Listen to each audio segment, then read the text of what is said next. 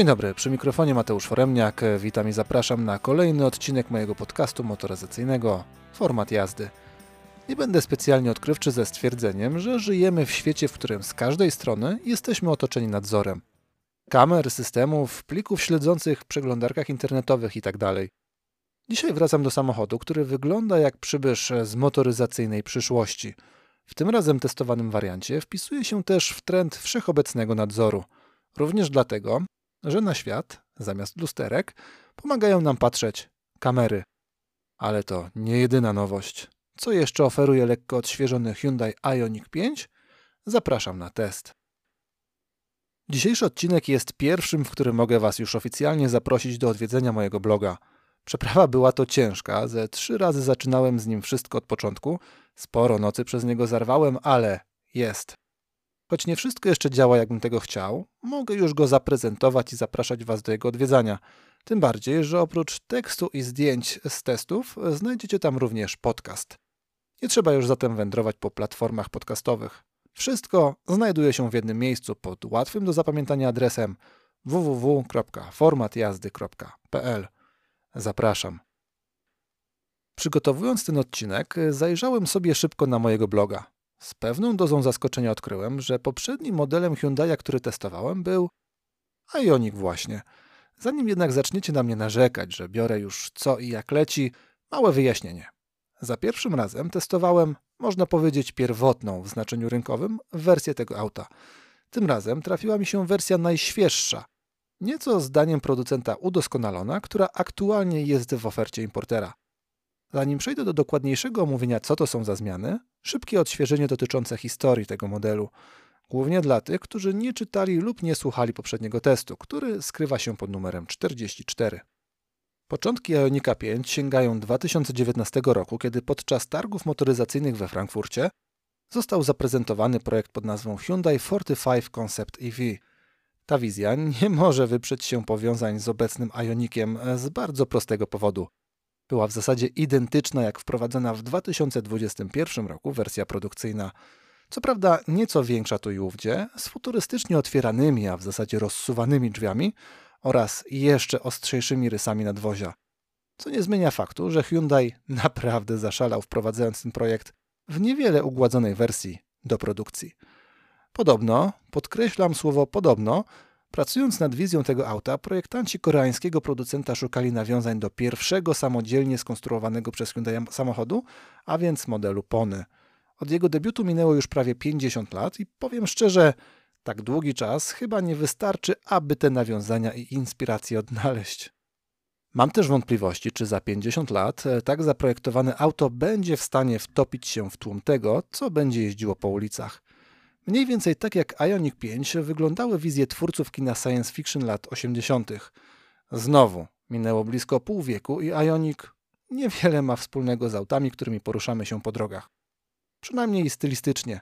Tym bardziej, że w testowanym wariancie pojawił się może i detal, ale bardzo istotny. Mowa o kamerach zewnętrznych zastępujących lusterka. Prawda jest taka, że lusterka nie pasują do tego samochodu. Serio. Ioniq 5 jest tak odjechany, że tak zwyczajne i oldschoolowe rozwiązanie jak zwykłe lusterka po prostu się z nim gryzą. Dopiero teraz, kiedy również w Europie można zastąpić je kamerami, ta kanciasta, ostra, geometryczna i wyrazista bryła tego auta nabiera pełnego szyku.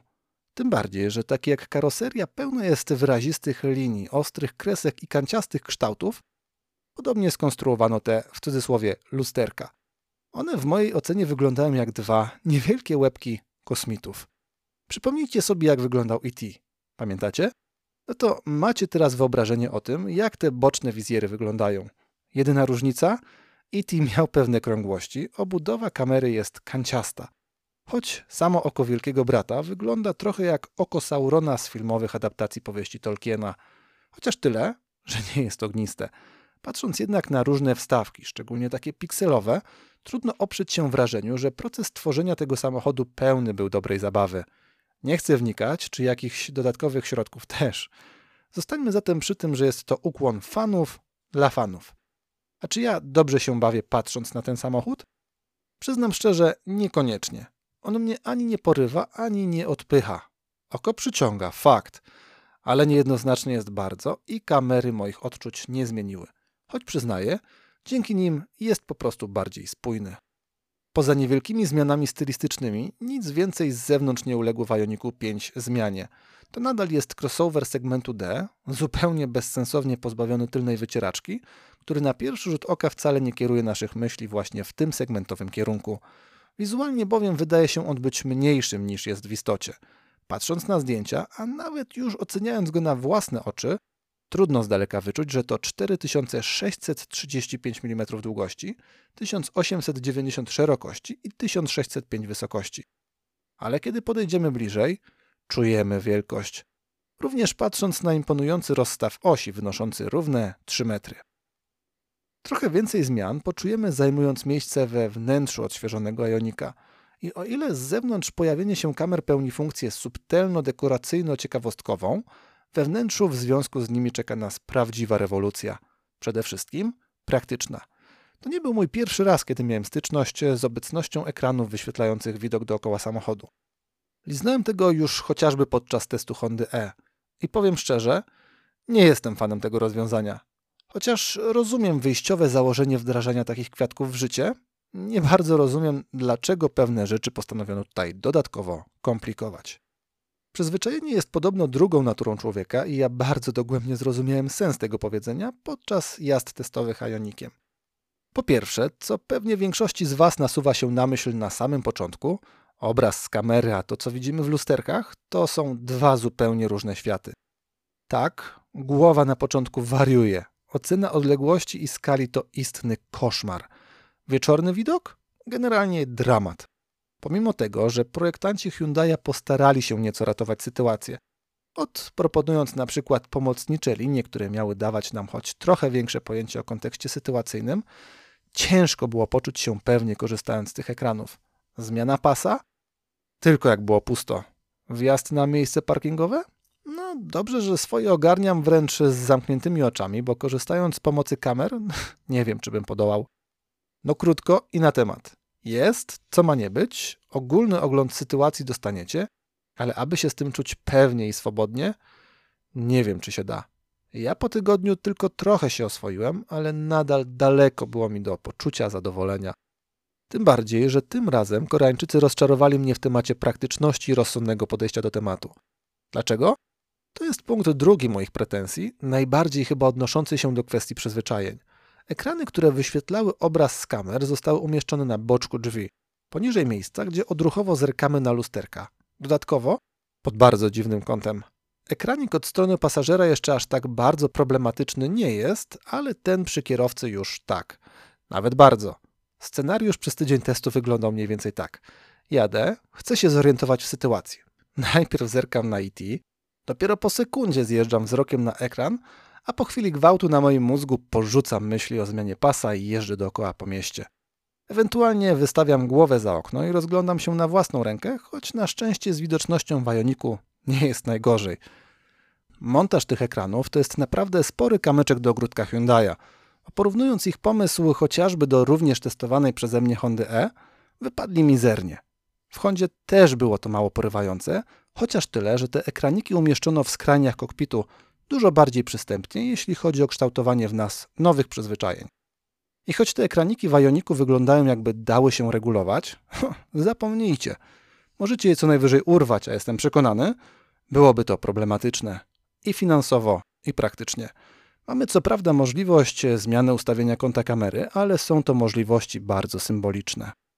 Teraz szybki skok do trzeciego punktu moich przytyków koszty takiej ekstrawagancji. Po pierwsze, aby zaaplikować sobie coś takiego do swojego auta, trzeba wyłożyć 10 tysięcy złotych. Aby było pozytywniej, nie tylko za kamerą lusterka. Są one bowiem elementem składowym pakietu Tech, dostępnego tylko dla najwyższej wersji wyposażenia Unique. Dostajemy jeszcze wtedy asystentów jazdy autostradowej i unikania kolizji czołowych. Czy 10 tysięcy to dużo czy mało? obiektywnie wydają się całkiem sporym wydatkiem za samodzielne utrudnianie sobie życia, ale w kontekście ceny tego auta wcale aż tak kosmicznie nie jest. Dojdę zresztą do tego elementu na końcu. Pozostaje jeszcze kwestia ewentualnych napraw. Nowe lusterko to nie jest jakiś morderczy wydatek, powiedzmy sobie wprost. Tutaj Nie mogę tego stwierdzić z pełnym przekonaniem, ale sądzę, że tanio nie będzie. A czy są jakieś pozytywy? A, niech stracę. W ciągu dnia te kamery oferują bardzo solidny obraz i trudno się ich czepiać pod tym względem. O dziwo, w deszczu nie cierpiały na zabrudzenia i pogorszenie widoczności. No i jest lans, jest ciekawie, jest niezwykle. Czy coś jeszcze? To była odpowiedź w stylu Roberta Lewandowskiego komentującego pomysł taktyczny selekcjonera reprezentacji na jedno ze spotkań. Bo co tu dużo mówić. Często lepszy jest wrogiem dobrego. Takie odczucia mam względem tego pomysłu. Nie przekonuje mnie wcale i ciężko mi sobie wyobrazić, aby miało to na stałe wejść do kanonu motoryzacyjnego. Przynajmniej w formie oferowanej dzisiaj.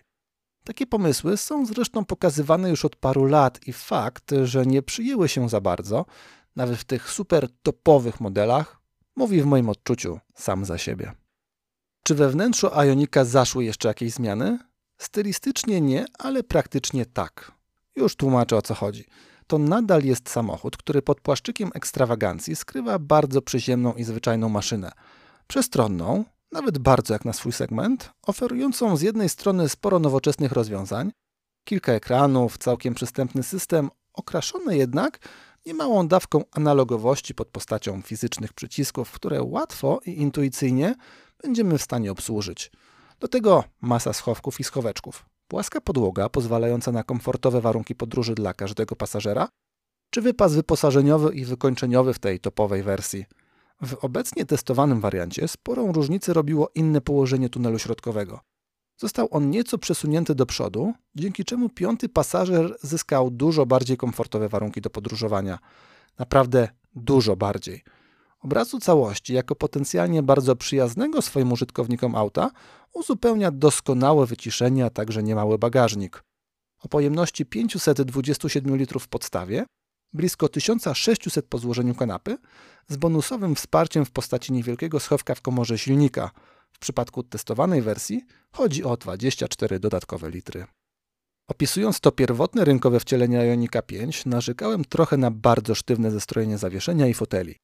Możecie sprawdzić sami, bo powiedziałem tam, że fotele generalnie mogą zostać, ale z amortyzacją coś by wypadało zrobić. Nie będę sobie przypisywał zasług, bo generalnie ta wersja, z którą miałem styczność tym razem, już była w opracowaniu, ale cieszę się, że moje odczucia okazały się dosyć obiektywne. Dlaczego? Bo w odświeżonym wariancie postanowiono nieco poluzować w temacie twardości zawieszenia. Wyposażono ją w, cytuję, inteligentne tłumiki drgań. Inteligentne, adaptacyjne, jak zwał, tak zwał. Różnica jest wyczuwalna. Ioniq jest dużo bardziej sprężysty, czasami może nawet aż za bardzo i jazda nim przypomina nieco odczucia płynące z jazdy po asfalcie pick-upami. Całościowo jest to jednak zmiana pozytywna, jeśli chodzi o komfort. Nieco mniej w kontekście prowadzenia. Ioniq nie zachwycał mnie w tym aspekcie przy pierwszym kontakcie, teraz było co najmniej równie słabo.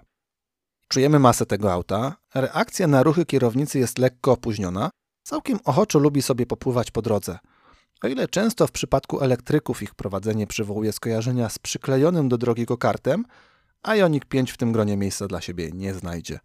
Przy wyższych prędkościach jakby nieco za mocno swoją rolę do serca bierze sobie adaptacyjne wspomaganie kierownicy.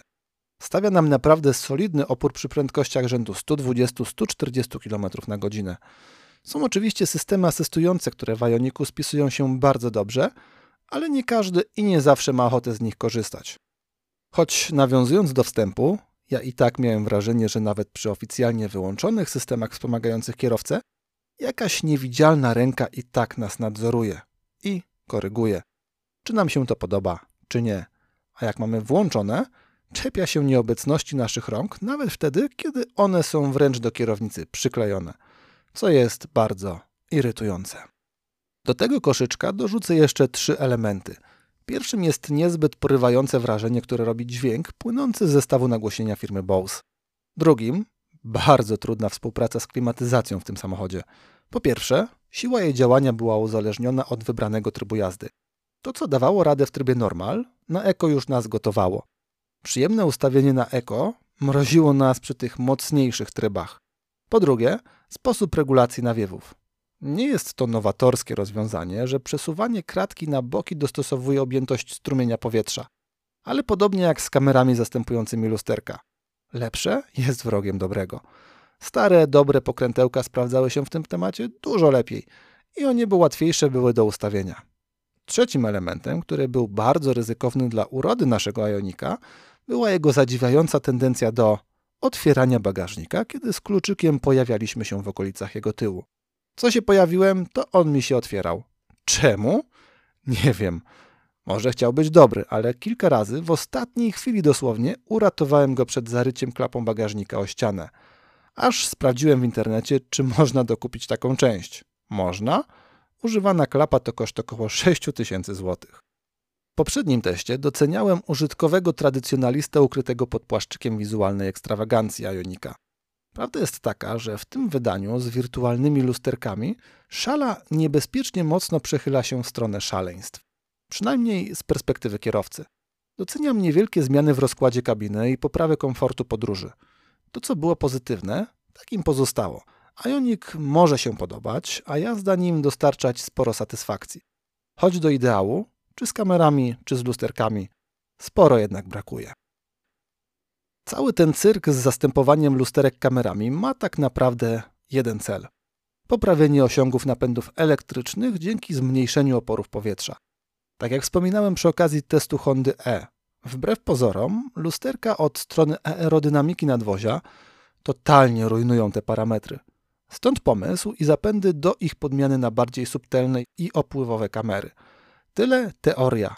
Czy zauważyłem jakiekolwiek pozytywne zmiany w praktyce? Zanim przejdę do wyników moich testów spalania, jeszcze jedna całkiem w sumie istotna różnica względem poprzedniego wariantu. Odświeżony Ioniq, poza już wspomnianymi elementami, zyskał jeszcze nieco większą baterię. Przynajmniej w tym topowym wariancie. Nadal mamy bowiem do dyspozycji podstawowy z baterią o pojemności 58 kWh i mocą 170 koni mechanicznych, co nie zmieniło się od początku jego rynkowej kariery. Nowością są za to warianty napędowe z baterią o pojemności dokładnie 77,4 kWh. Słabszy oferuje 229 koni mechanicznych i napęd na tył. Mocniejszy, z którym miałem styczność, to 325 koni mechanicznych i napęd na 4 koła. Za pierwszym razem miałem okazję testować poprzedniczkę tej 229-konnej jednostki i to one oferują największy zasięg w Ioniku. W tym poprzednim wariancie ta wartość wynosiła maksymalnie 480 km. Dzisiaj Hyundai mówi nawet o 507 km. Nieco mniej optymistycznie podchodzą do tematu w tym najmocniejszym wydaniu. Tam deklarują przedział od 454 do 481 km. Nie ma co się dziwić, bo wiele zależy od naszych jako kierowców skłonności do zabawy. A bawić się jest czym? 605 Nm i setka w 5,1 sekundy. Czy muszę coś dodawać? Maksymalnie wszystkie Ioniki rozpędzają się do 185 km na godzinę. Tak ustalono i na takim pułapie te możliwości zablokowano. Jak sami widzicie, trzeba się mocno kontrolować, aby maksymalnego zasięgu nie ograniczyć sobie do 100, no powiedzmy, że 200 km. Zanim suche wyniki, jeszcze garść subiektywnych wniosków. Ioniq w tym najmocniejszym wariancie przekazuje napęd na wszystkie koła, co ma ogromne znaczenie dla naszych odczuć. Choć kopyto jest, wcale go aż tak mocno nie czujemy. Mam poczucie, że jest to też zasługą zmian wprowadzonych w zawieszeniu, które, jak wspominałem, jest sprężyste i przejmuje na siebie sporo efektów tego potężnego przyspieszenia.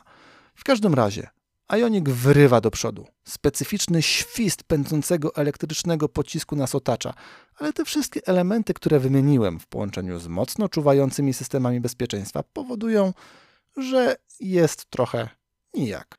Nawet w porównaniu do wersji tylno-napędowej, która była sporo słabsza, setkę robiła w 3 sekundy dłużej, ale ze względu na przekazywanie mocy tylko tylnej osi, przynajmniej wydawała się bardziej narowista i nieokrzesana. Natomiast y, wyprzedzanie Ionikiem to już jest czysta przyjemność. W każdym momencie mamy dostępną moc i możemy wystrzelić do przodu. Choć jeśli chodzi o poczucie elastyczności przy wyprzedzaniu, ostatnio opisywany przeze mnie Jaguar I-Pace był pod tym względem o wiele bardziej narowisty.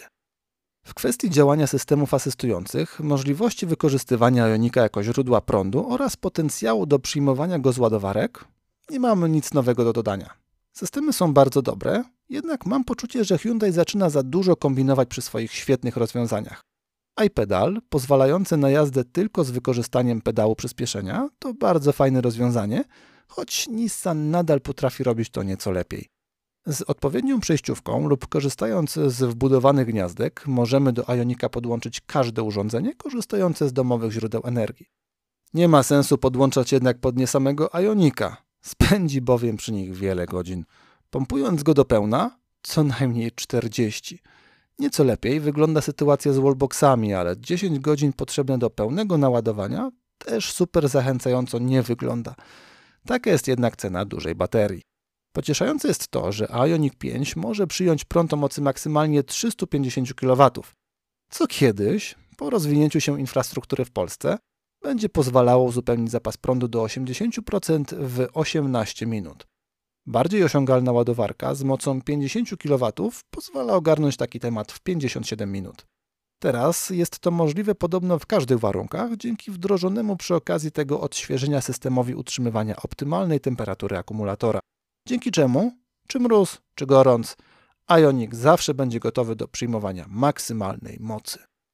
A jak często trzeba będzie szukać ładowarek? Generalnie Ioniq sprawia wrażenie dosyć mocno prądożernego. To nie jest pierwsza elektryczna kona, która pozwalała na kręcenie się w okolicach 10 kWh zużycia. Uczciwie jednak muszę przyznać, że różnica jest i to wcale nie mała. Ile w tym zasługi podmianki lusterek na kamery? Pewnie nie aż tak wiele, jak wyszło z moich pomiarów, bo jeździłem tym razem w dużo bardziej łaskawych warunkach. Temperatura przez większość testu oscylowała w okolicach 20 stopni, a podczas pierwszego testu łapałem się jeszcze na ostatnie wiosenne przymrozki. No dobra, to teraz suche liczby. W mieście tym razem moje pomiary zamknęły się w przedziale od 14,9 kWh do równych 18, bez wielkich wyrzeczeń i poświęceń, ale jednocześnie z głową. Najczęściej potrzebowałem około 16,5 kWh energii na każde 100 km. Generalnie to sporo lepsze rezultaty niż byłem w stanie wyciągnąć przy okazji pierwszego testu. Wtedy wyrabiałem się w dosyć wąskim zakresie od 17,4 do 17,9 kWh na setkę. Teoretycznie byłbym w stanie wycisnąć tym razem z Ionika nawet 516 km zasięgu, ale naprawdę ciężko byłoby uzyskać na takim dystansie ten poziom zużycia energii. Realnie przy tych przeciętnych wynikach mowa o 467 km. Nieźle, pokrywając się przy okazji z deklaracjami producenta, dokładając też około 50 km do maksymalnych pułapów realnych przy wariancie z pierwszego testu. Bardzo podobne wyniki, dokładnie z przedziału 14,9 do 17,3 kWh uzyskiwałem na drogach krajowych. Znowu, jest lepiej niż poprzednio, kiedy potrzebowałem od 19,3 aż do 23,6 kWh na setkę. Prawie 10 kWh różnicy w skrajnych pomiarach, no to już nie jest przypadek i wpływ warunków atmosferycznych, ale wynik naprawdę poważnie dający do myślenia. Idąc dalej, tylko się w tym utwierdzałem. Eski to tym razem 22,4 do 23,9 kWh przy 25,3 do 28,3 kWh za pierwszym podejściem. No i autostrady. 28,9 do 30,9 kWh, podczas gdy w poprzednim teście Ioniq potrzebował aż 34,3 do 35,6 kWh. Co by nie mówić, są to rezultaty sporo lepsze, pozwalające w każdym wariancie na zwiększenie zasięgu Ionika o mniej więcej 50 dodatkowych kilometrów. Nawet zestawienie średnich z całego testu daje do myślenia – tym razem było to 19,9 kWh na 100 km przy 25,9 poprzednio. Aby jednak nie popadać w hura optymizm, na pewno przy porównywalnych warunkach pogodowych te różnice byłyby jednak sporo mniejsze. Są auta, do których wracam lub wróciłbym z przyjemnością. Ioniq 5 jest maszyną wyjątkową. Dosłownie i w przenośni, również pod względem moich odczuć z powrotu. Nie jest to samochód, o którym marzyłbym w kontekście codziennego użytku. Pomimo tego, że użytkowo prezentuje sporo atutów. Nie mogę mu jednak odmówić niezwykłości i nie mam zamiaru zaklinać rzeczywistości. Jest to jedno z tych aut, w którym jako kierowca możemy poczuć się najbardziej nadzwyczajnie. Kosmiczny wygląd? Jest. Piękne wykonanie? Jest. Mocarna jednostka napędowa? Jest. Nowoczesne rozwiązania? Obecne. Wysoka cena? Również. Wchodząc na stronę polskiego oddziału Hyundai'a, bije po oczach informacja, że Ioniq jest dostępny już od 181 900 zł. Nie dajcie się zwieść. To oferta dotycząca podstawowej wersji, po odliczeniu rabatów i maksymalnej dopłaty rządowej w wysokości 27 tysięcy złotych. Katalogowo mówimy bowiem o pułapie 219 900 zł. Może nie będzie ubogo, ale jednak niewiele klimatu znanego z moich testów pozostanie w takim wariancie. Najtaniej wersję z większą baterią możecie dostać aktualnie za katalogowe 248 tysięcy. Odejmując rabaty oferowane w chwili publikacji odcinka w wysokości 11 tysięcy złotych i maksymalną rządową dopłatę, mówimy o cenie 210 tysięcy złotych.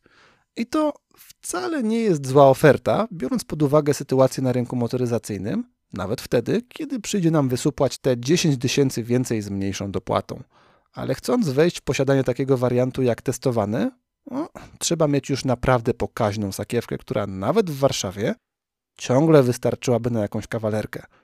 Ceny testowanego egzemplarza katalogowo zaczynają się od 315 tysięcy złotych.